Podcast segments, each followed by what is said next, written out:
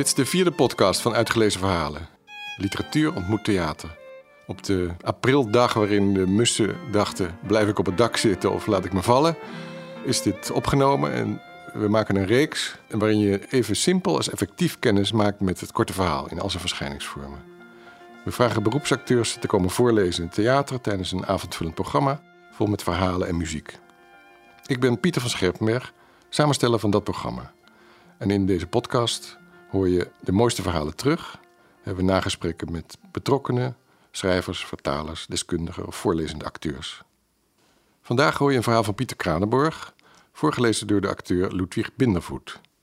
Dat gebeurde tijdens onze voorstelling in de Week van het Korte Verhaal, die, zoals je weet, altijd in februari is, in de Deventer Schouwburg. Auteur Kranenborg was daarbij aanwezig. Maar hij is ook vandaag hier. Ja, Welkom, Pieter. Hoi. Pieter Kranenborgs debuut Astronaut verscheen in 2017, mei vorig jaar, bij Van Oorschot. Het is een jong debuut, want de schrijver zelf dateert uit 1994. Hij studeert dan ook nog Urban Studies, ook wel stadsgeografie, aan de Universiteit van Amsterdam. In het verhaal dat je straks gaat horen, De Wolken in, kijk je als lezer naar de vaak beschimpte Engelse wiettoeristen in Amsterdam. Maar dan vanuit hun perspectief. Ik vond het heel verfrissend toen ik het las. Acteur Ludwig Bindervoet is medeoprichter van het performancecollectief Oerland in 2012, toen hij ook de toneelacademie Maastricht afronde. Hij acteert ook bij theatergroepen Oostpool en Wonderbaum. Zo zag ik hem in de Oostpool-productie On the Road vorig seizoen. Zeker tien minuten rennen op een loopband, terwijl hij ook nog tekst had. En onlangs ging hij met zijn gezelschap Oerland terug naar de oorsprong met de voorstelling Oer, dat is gespeld UR. Die is voorlopig voor het laatst te zien op 2 mei in Rotterdam, dus haasje als je dit nog op tijd hoort. En ik hoop dat het wordt geselecteerd voor het theaterfestival eind augustus, begin september. Ludwig deed in 2016 al mee aan uitgelezen verhalen met onder meer een uh, verhaal van Raymond Carver. Dat beviel ons beiden zo goed dat we hem teruggevraagd hebben. Graag je aandacht voor Ludwig Bindervoet, die van Pieter Kranenborg voorleest De Wolken in. Who the fuck is Camera Waking? Wat? Dat staat daar, man, zegt Logan en hij wijst naar een bordje voor in de bus. Logan is me aan het dollen, er staat één woord. Camerabewaking. Ik heb geen idee wat het betekent, maar herken camera en het plaatje. Zullen ons wel in de gaten houden. Waarschijnlijk zien ze nu hoe Ellen en Thom op de bank voor ons gretig kijken naar twee blonde Nederlandse meisjes. Het is hartje zomer, maar ze dragen rokken tot aan hun knieën. Hier zijn het niet van die sletten, zegt Logan zachtjes. Dutch girls have style, mate. Yeah, right, zeg ik. Maar het sarcasme gaat verloren omdat de bus stopt en de chauffeur iets mompelt over de Dam Square. Dit is waar we moeten zijn, dus we stappen uit. Ellen, Tom, Derek, Connor, Logan en ik. We zijn hier eerder geweest en daarom zijn we hier weer. In deze stad liet ik me overhalen tot het roken van mijn eerste joint. Ik denk er nog steeds aan. Elke keer als we die inferieure shit van dikke Richie uit Everton roken. Richie wil niet dat Connor en ik voor zijn winkeltje blowen, omdat hij tien kleuren scheidt voor de politie. Maar het liefst staan we daar voor zijn afgebladderde supermarktje naar de penseelstreken van de vroege avondhemel te kijken, achter het scherm van onze rook, en hebben we het over Amsterdam. Even later zitten we in een koffieshop. Dirk doet grappig en bestelt een koffie. We beklimmen de trap naar boven van waar je uitzicht hebt over een gracht. Connor steekt een joint op en geeft hem door. Ellen zegt dat hij gehoord heeft dat pooiers regelmatig ontevreden werknemsters in de grachten dumpen en dat er dus overal in de stad dode hoeren in het water liggen. Als die hoeren dood zijn, dan gaan ze toch drijven, idioot, zegt Logan. Ja, hangen ze er toch een steen aan, zegt Ellen, maar hij is zelf ook niet overtuigd. Ik probeer een knipoog uit te wisselen met Connor, maar hij is stil en stoned. Tom geeft de joint door en ik neem een trekje. De warmte stroomt mijn longen binnen en stijgt naar mijn hoofd en ik denk, dit is nog maar het begin. De dag is een waas, getekend door onze rookpotloden die onophoudelijk blijven kleuren. We zoeken een tijdje naar de Dam Square, maar we vinden het niet terug. Volgens Logan zijn we er al geweest en is het niet de moeite waard. Maar Ellen vindt opeens dat we geen enkele highlight van Amsterdam mogen missen en wordt driftig. Hij wordt later vast en zeker zo'n kerel die als een zenuwpees door elke stad rent waar hij komt met een lijstje in zijn hand van de plekken waar hij selfies moet nemen. Alles in één dag, dat werk. Net als mijn ouders. Even is er een ruzietje tussen Logan en Ellen dat bijna de wolk in mijn hoofd lek prikt. Maar dan zegt Derek dat de enige highlights die er te doen de red lights zijn. En we lachen allemaal een beetje, hoewel misschien meer om Derek dan om zijn grap. Dan geeft Connor de joint aan Ellen en hij inhaleert diep. Meteen is Ellen rustig. Door de hele groep gaat een zucht van opluchting. Connor, de vredestichter, grijnst. We kopen iedere sixpack en gaan in een park zitten. De zon schijnt op kerels die in hun eentje een boek aan het lezen zijn, op zonnende vriendinnen, op gezinnetjes op picknickkleden, op een onduidelijk feestje van onduidelijk geklede mensen, op joggende meisjes en strakke kleren en op wat van die types met knotjes op een slap koord. De knotjes geven die gozers iets arrogants, maar ik benijd ze om hun lenigheid. Ze wandelen kalm en evenwichtig over dat koord. Een zwarte mamba met zijn staart om de ene boom en zijn tanden in de andere. Maar niet alleen dat. Ze huppelen, maken sprongetjes, dansen, laten zich voorovervallen en weer terugstuiteren. Heel rustig bestijgen de knotjes kerels om de beurt de zachtjes deinende mamba. Als ze niet over het koord huppelen, zitten ze relaxed tegen een boom en scrollen ze op een telefoon. Waarschijnlijk door een playlist met hippe elektronische muziek die door een paar draagbare speakertjes schalt die naast hen in het gras staan. Ik kijk naast me en zie dat Connor ze ook heeft ontdekt. Logan heeft het intussen weer over de klasse van de Nederlandse meisjes. Maar houdt uiteindelijk zijn kop en knikt instemmend als Ellen hem uitlegt dat ze ook sletterig zijn, maar op een heel andere manier dan de meisjes bij ons in Liverpool.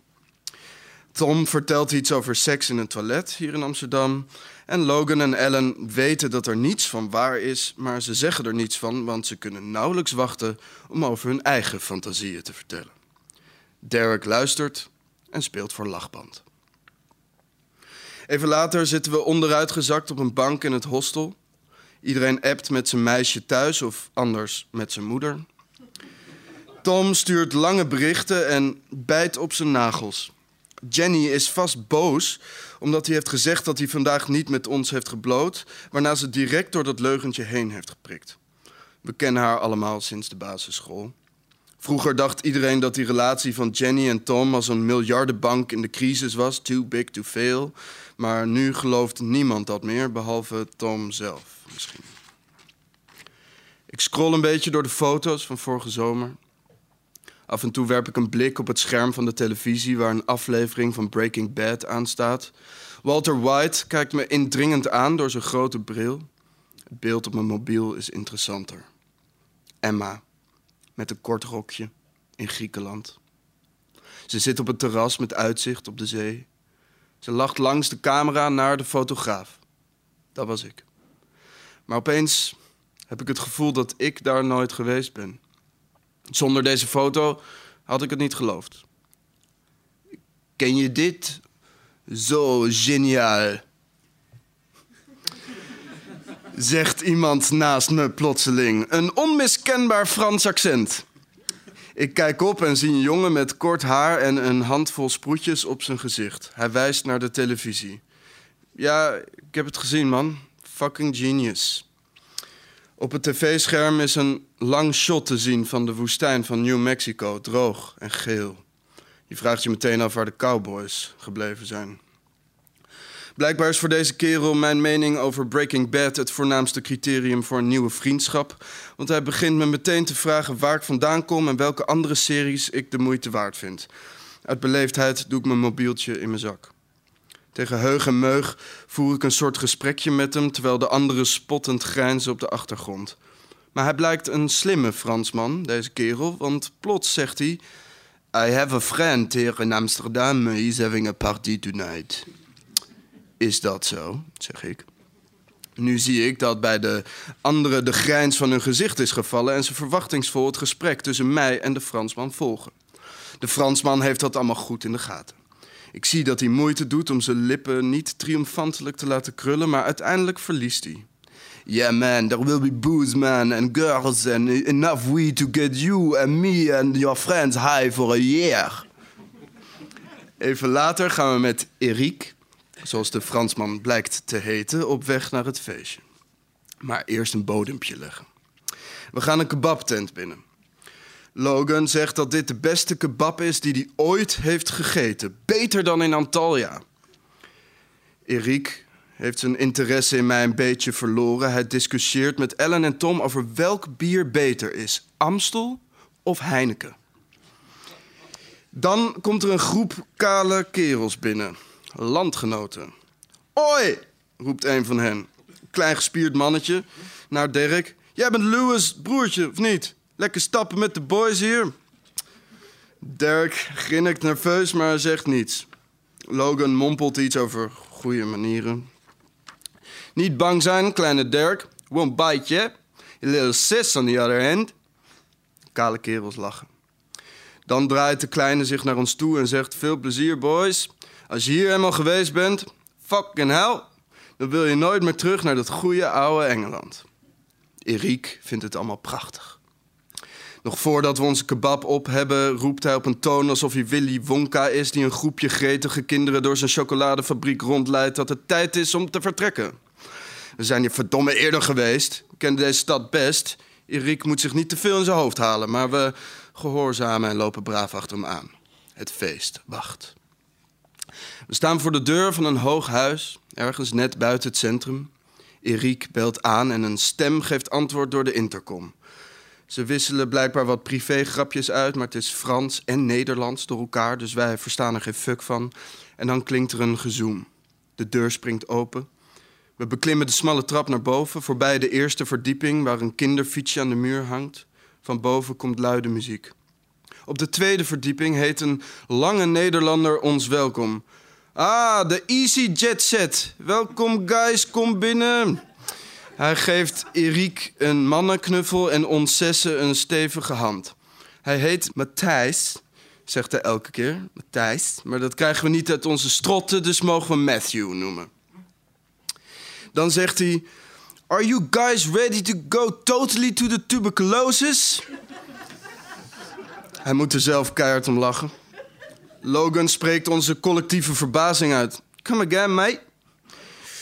Dat is een Nederlandse uitdrukking, guys. Helemaal naar de tering. Vertrouw me. Het is iets goeds. Totally to the tuberculosis. Dat is wat we vannacht gaan doen hier.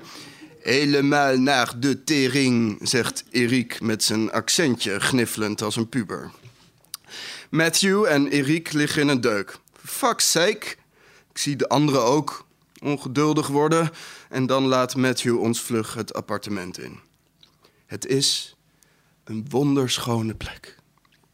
Mijn herinnering ervan is wat wazig, maar fucking hell. Ik herinner me dat het een wonderschone plek is. Met een prachtig gezelschap. Blonde meisjes in rokjes op de bank, onderuit gezakt met een mix drankjes, knotjes, kerels. Hoppend op de hippe muziek.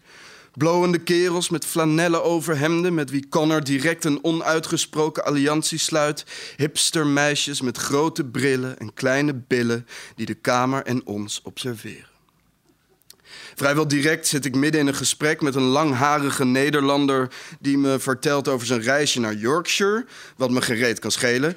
Dus ik onderbreek hem midden in een zin en vraag of hij iets te blowen heeft. Dan zie ik dat Logan al iets gescoord heeft. Ik negeer de Yorkshire, meneer, neem Logan's joint over en zuig mijn longen vol met warme mist.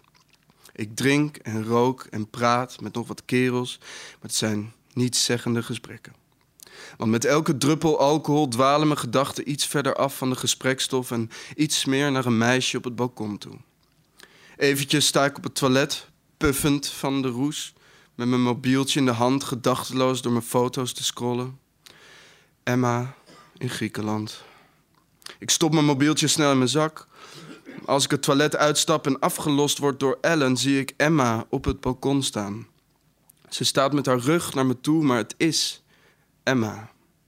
Ik streel de deur van het toilet zoals ik ooit haar wang streelde. God, wat triest. Dan hoor ik Ellen heel dichtbij in mijn oor en ik schrik. Hoi, mate. Ben je aan het staren? Nee, man, ik eh, kom mee, zegt Ellen. En we lopen met onze biertjes naar een lege bank. Op de bank ernaast zit Derek met zijn hand op de rug van Logan. Logan is aan het grienen en mompelt wat over zijn vader. Meneer Davis heeft longkanker. Te veel gerookt, zegt de dokter. Nu staren ze voor zich uit, Logan, Derek en ook Ellen. Ik heb geen zin in deze sfeer, nu niet. Sorry, Logan. Dus ik sta op en loop de kamer door. Ik passeer Tom, die een Nederlandse chick probeert te versieren. Hij heeft Jenny vast verteld dat we nu alle zes braaf in bed Shakespeare liggen te lezen. Connor is spoorloos, maar ik zie wel dat Matthew en Eric op een enorme zitzak zitten in de hoek van de kamer. Allebei knetterstoned. Ik ben op weg naar het balkon, maar plof naast ze neer op de zitzak. Eerst zeg ik niets. Kijk naar Logan aan de andere kant van de kamer en door Eric moet ik weer aan Breaking Bad denken, aan Walter White. Die heeft ook longkanker. Misschien moet meneer Davis, net als Walter White, een drugsimperium beginnen. Hm.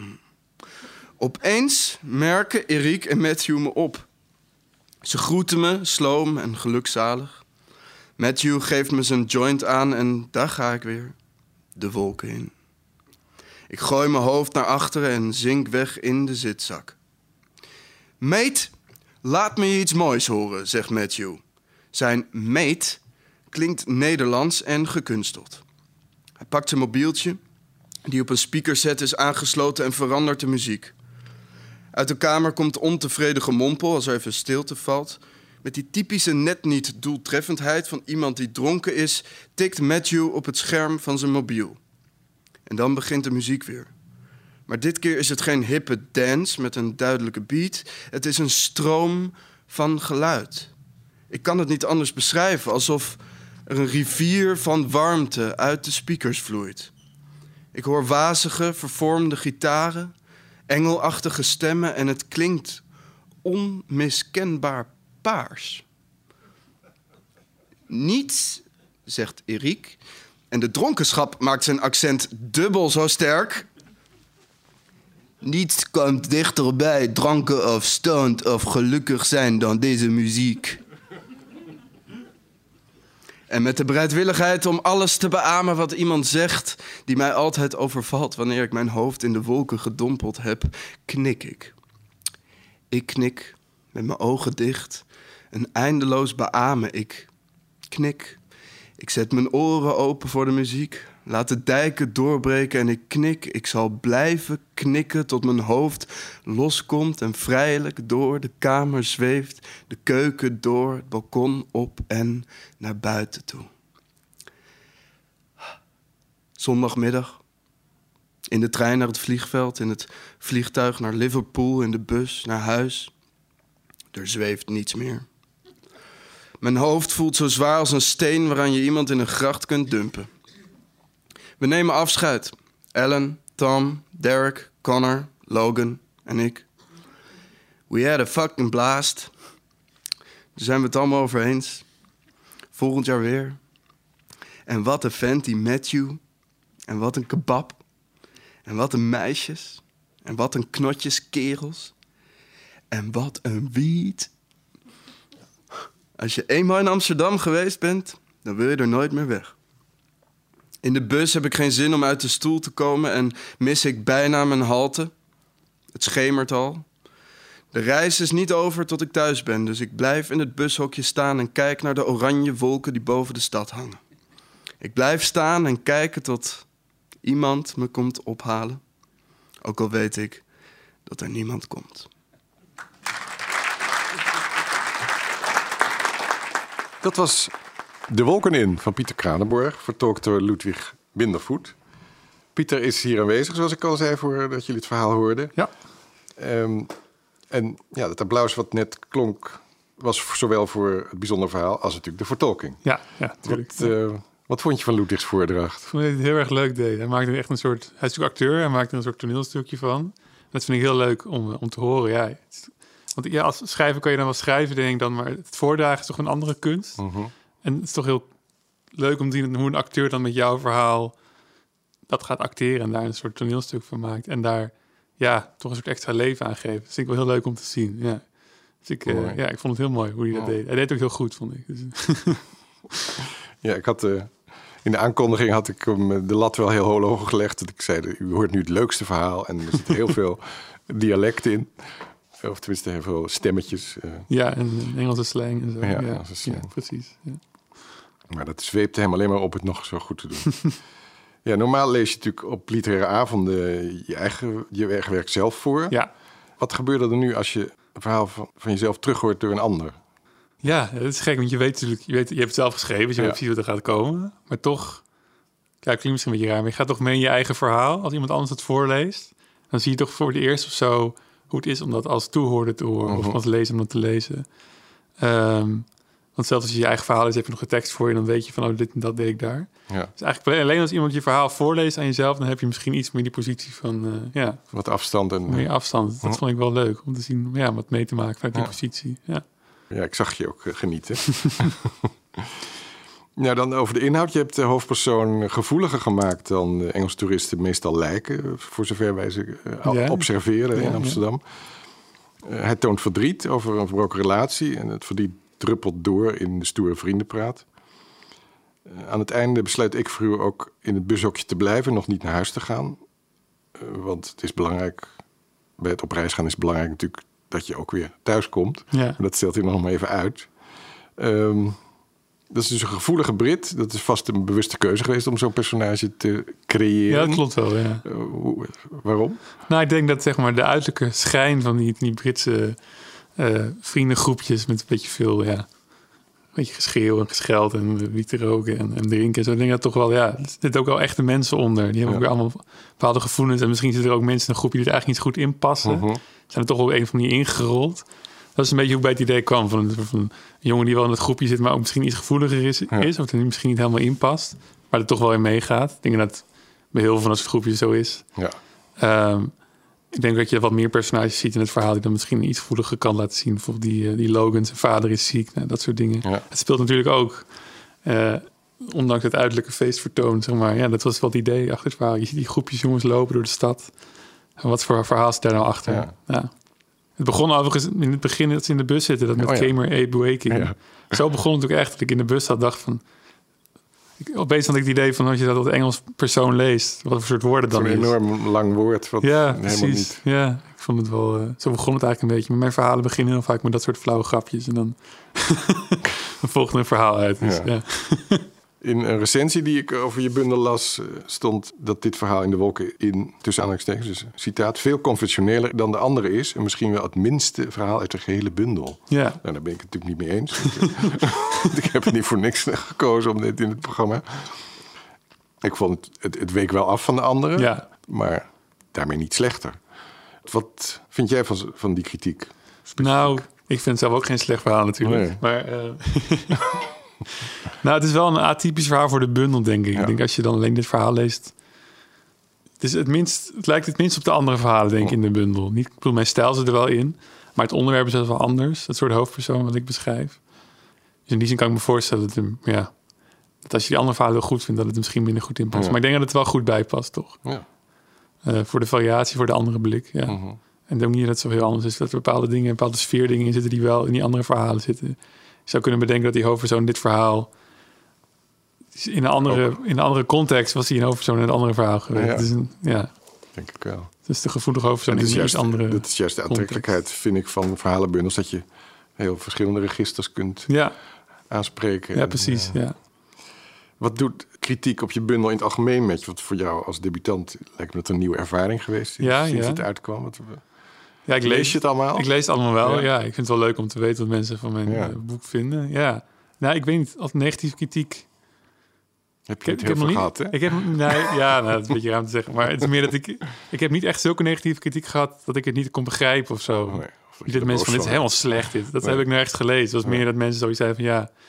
Het, het minst verhaal de bundel of zo. Nou ja, dan denk Ja. ik van, oké, dat kan je vinden inderdaad. Nee, ik heb, ik heb op zich kritiek... was allemaal wel, wel goed. Niet Mhm. dat ik me er slecht over hoefde te voelen. Nee. Ja. Maar wat doet dan positieve kritiek met je? Denk je... eh, ja, het is toch Ja. een soort bevestiging Ja. dat je het toch goed doet. Ja. Want je vindt natuurlijk zelf... Je hebt aan de ene kant een beetje je twijfels van zal het goed... en aan de andere kant ben je ook wel Tenminste, ik was al zelfverzekerd erover. Nou, ik denk, Ja. ik vind het zelf goed in ieder geval. Mhm. ja. En het is toch, als een recensie dan positief is, dan zie je dat toch het gevoel bevestigd. Ja. Van ja, andere mensen kunnen het ook waarderen. Ja. Ja. Ja, veel van de, een aantal recensies wezen ook op het feit dat je bij Van Oorschot bent gedebuteerd. Ja. Dat, dat, dat dat heel bijzonder was, omdat die nooit met. Of dat die dat weinig doen, blijkbaar. Hoe, is dat dan gegaan? Ben je naar hun toegestapt? Of, eh, Eh, nee, ja, ik heb eerst verhalen gepubliceerd in uh, literaire tijdschriften. Mhm. Tirade en Hollands Maanblad. En eh Tirade is van Van Oorschot natuurlijk. Ja. En ja, ik ben gewoon benaderd op een gegeven moment door Van Oorschot. dan heb je nog meer. Ja, zo ging het eigenlijk wel een beetje, ja. Of wil je nog meer maken? Ja. En eh, op een gegeven moment kon ik zelfs kiezen. Toen heb ik toch Van Oorschot gekozen. Dus ja. Dan ehm, ben je in 2014, 15 naar Japan gereisd. Ja, En de helft van de verhalen ongeveer speelt daar ook. Of heeft dat als, als, als decor. Was die reis vooraf als inspiratie bedoeld, vroeg ik me af. Of bleek het na afloop zo te zijn? Eh, ik denk dat het... Ja, ja, aan de ene kant wilde ik heel graag naar Japan toe. Ik ben dus op uitwisseling geweest. Ik heb gestudeerd in een semester Mhm. in Tokio. Ehm, dus in die zin was ik wel geïnspireerd door Japan, zou je kunnen zeggen. Ik wil daar graag wonen, omdat ik het een inspirerende plek vind om te zijn. Ik kan ook niet goed uitleggen waarom. Ik vind het altijd heel fijn om daar te zijn. En toen na afloop bleek dat ik er dat, daardoor met allemaal verhalen in mijn hoofd Ja. zat. Dus het is echt een soort Ja, effect wat precies. Ja. niet beoogd was. ja, op zich zijn maar twee verhalen die echt in Japan spelen hoor. Mhm. Nee, je speelt voor een deel in China. Maar ja, het langste verhaal speelt sowieso helemaal in Ja. Japan. Ja, het, het langste verhaal, dat is eigenlijk meer een novelle te Ja. noemen. 70 pagina's is het. Lifter. Ja, Eh, Dat speelt dus in Japan en gaat over een twintiger die nog niet wil kiezen voor een carrière. Zijn dagen een beetje vult en doet alsof hij eh, flink op reis is, Ja, alsof heel lang op één plek zit. Ja. eigenlijk. in een hostel. Ja. Series aan het kijken en noedels Ja. aan het eten. Ja, klopt. Ja. Ook in een ander verhaal, over Flakke Fraternité, komt dat terug van een hoofdpersoon die de keuze voor wat ga ik precies doen eh, nog uitstelt. Dus dat lijkt een soort thema te zijn. Ehm, is dat een echo in de werkelijkheid? Vind je jezelf ook in zo'n moment of een periode van wat, wat ga ik doen met mijn leven? Nou, het is wel grappig, want ik ben nu eigenlijk een beetje op dat moment. En ik ben nu aan het einde van mijn studie. Ja. Na de zomer ben ik klaar met studeren. En toen had ik nog de luxe, want ik heb voor dat verhaal, Goeie Overflakkee, dat heb ik vier jaar geleden geschreven. Mhm. Dus toen had ik nog een beetje de luxe om daar makkelijk over te doen van, ja, ik kan, eh, wat, wat, wat ga je doen? Dat kan je allemaal uitstellen. Maar nu, Ja. ja, zo makkelijk is het misschien niet. Je moet misschien wel gewoon iets kiezen. Dus eh dat komt ook nu een beetje. Maar meer in het algemeen, ik denk dat iets is wat, ja, ik nu ook een beetje om me heen zie. Want ja, het klinkt heel erg over mijn generatie. Maar ik denk dat mensen van mijn leven toch wel veel keuze hebben. Of in ieder geval die indruk hebben. Of Mhm. ook dat het daar moeilijk is om je ergens op vast te leggen. Ja, ik denk dat zie ik wel om me heen Ja. bij mensen. Dat heb ik zelf misschien ook wel een beetje. Maar aan de andere kant denk ik, je moet misschien ook gewoon wat kiezen... en dan zie je wel wat je bevalt. Ja. En eh, je kan ook inderdaad een hele lange reis gaan maken... zoals de lifter doet in het Mhm. verhaal. Ja. Om er een beetje een soort van aan te ontsnappen aan die Ja. keuze. Ja. Ik denk dat het ook wel relevant is. Ik denk dat veel mensen het ook wel doen. Mhm. Over je schrijverschap ben ik natuurlijk benieuwd of je al bezig bent met de volgende verhalenbundel of roman. Of ga je eerst eh, je master afronden? Nou ja, het allebei een beetje. En ik ben al een beetje begonnen met Ja. een, een tweede boek. Ik kan er niet veel over vertellen, want het is helemaal in het begin nog. Want Mhm. ik moet dus nu mijn masterscriptie schrijven. Dat is ook een beetje een, soort groot verhaal eigenlijk. Een soort, Oh. een soort novelle zou je kunnen leuk. zeggen. En het zit ook heel erg in mijn hoofd, het verhaal. Het is moeilijk om dat allebei tegelijk te doen. Dus ik heb Ja. de, het tweede boek een beetje op een laag pitje gezet. Maar als het, de scriptie af is, dan ga ik heel erg eh, aan het tweede boek werken. Maar kan je van die afstudeerscriptie niet een soort fictie maken? Of, mag dat niet? Al- nou, voor de scriptie zelf niet. Ik zou Nee. natuurlijk geïnspireerd door scripties kunnen doen. Kan je het, ja. Nee, mijn studie, daar kan je dat niet... Nee, dat is... eh, Dat is nee. niet de bedoeling. Nee. Dat zou heel, heel revolutionair zijn. Het zou heel revolutionair zijn. Ja, het is wel een idee. Ja, ik kan het voorstellen. Een begeleider. maar ik op zich vind ik... Want ik studeerde stadsgeografie inderdaad. En het gaat... Ik vind het zelf altijd wel een beetje... Het gaat over verhalen van mensen in steden. Mhm. Eigenlijk. En daar kan je dan allemaal grotere dingen over zeggen. Van, eh, als allemaal mensen dezelfde keuzes maken... dan zie je deze bepaalde verschuivingen, et cetera. Dat soort dingen. Ja. Maar dat zie ik wel ook als inspiratie voor verhalen.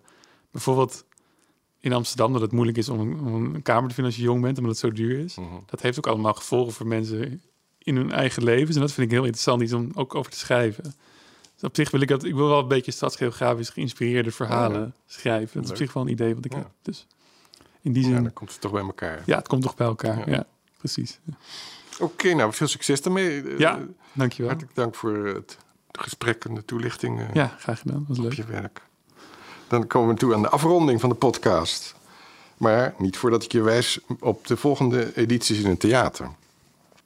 Op vrijdag 11 mei hebben we gekozen voor het thema de moeder, omdat het twee dagen later immers moederdag is. Hoei boei, zou de moeder van Frits van Echters zeggen. Zoals je weet is dat de hoofdpersoon uit De Avonden van Geert Reven. Je kunt er voordrachten horen van de verhalen van Annelies Verbeke, winnaar van de Biesheuvelprijs voor de beste verhalenbundel dit jaar. Van nog een Vlaming, Joost van de Kastelen. Van de Amerikaanse Grace Paley, van Jente Postuma en Rob van Essen. Dat was de allereerste winnaar van de Biesheuvelprijs. De acteurs die op 11 mei komen voorlezen zijn Vastert van Ardenne, Margot de Geest en Job Reumer. En de muzikant is saxofoniste Lotte Pen. Kom naar Theater Bouwkunde in Deventer op deze dag na hemelvaart. Dat is mijn objectieve advies. Kaarten koop je op theaterbouwkunde.nl. Dan is er wat de voorstelling betreft een lange pauze. Tussen kerst en oud en nieuw pas zijn we weer terug in theaterbouwkunde. En wist je dat we ook luisterboeken op Storytel en Luisterrijk aanbieden? Dan hoor je een compleet programma, alle verhalen achter elkaar. Zoek op Storytel of Luisterrijk naar uitgelezen verhalen. Dan onze volgende podcast. Die is er na een zomerpauze. Net als de publieke omroep pauzeren we lekker lang. Abonneer je in je favoriete podcast-app op Uitgelezen Verhalen... en je krijgt vanzelf bericht als er nieuwe afleveringen klaarstaan. Of zoek ons op in Spotify, daar staan we ook op. En tot slot een verzoek. Heb je genoten van wat je net hoorde of eerdere afleveringen? Vertel het dan door aan anderen. Geef je oordeel aan iTunes. Dat helpt ook weer voor onze bekendheid. Deze podcast is mede mogelijk gemaakt door de Gravin van Bijland Stichting... Stichting Wesselings van Bremen en de Deventer Cultuurclub. Aan deze podcast werkte mee Pieter Kranenborg, Ludwig Bindervoet, Dirk-Jan van Ittersum voor de geluidstechniek en de herkenningsmelodie is van Amir Swaap en Sietse van Gorkom. Ik ben Pieter van Schevenberg en gids je door deze vierde aflevering. Gebruik onze lange zomerpauze om mooie verhalenbundels te lezen, geïnspireerd door wat je hier te horen kreeg. Tot de volgende keer!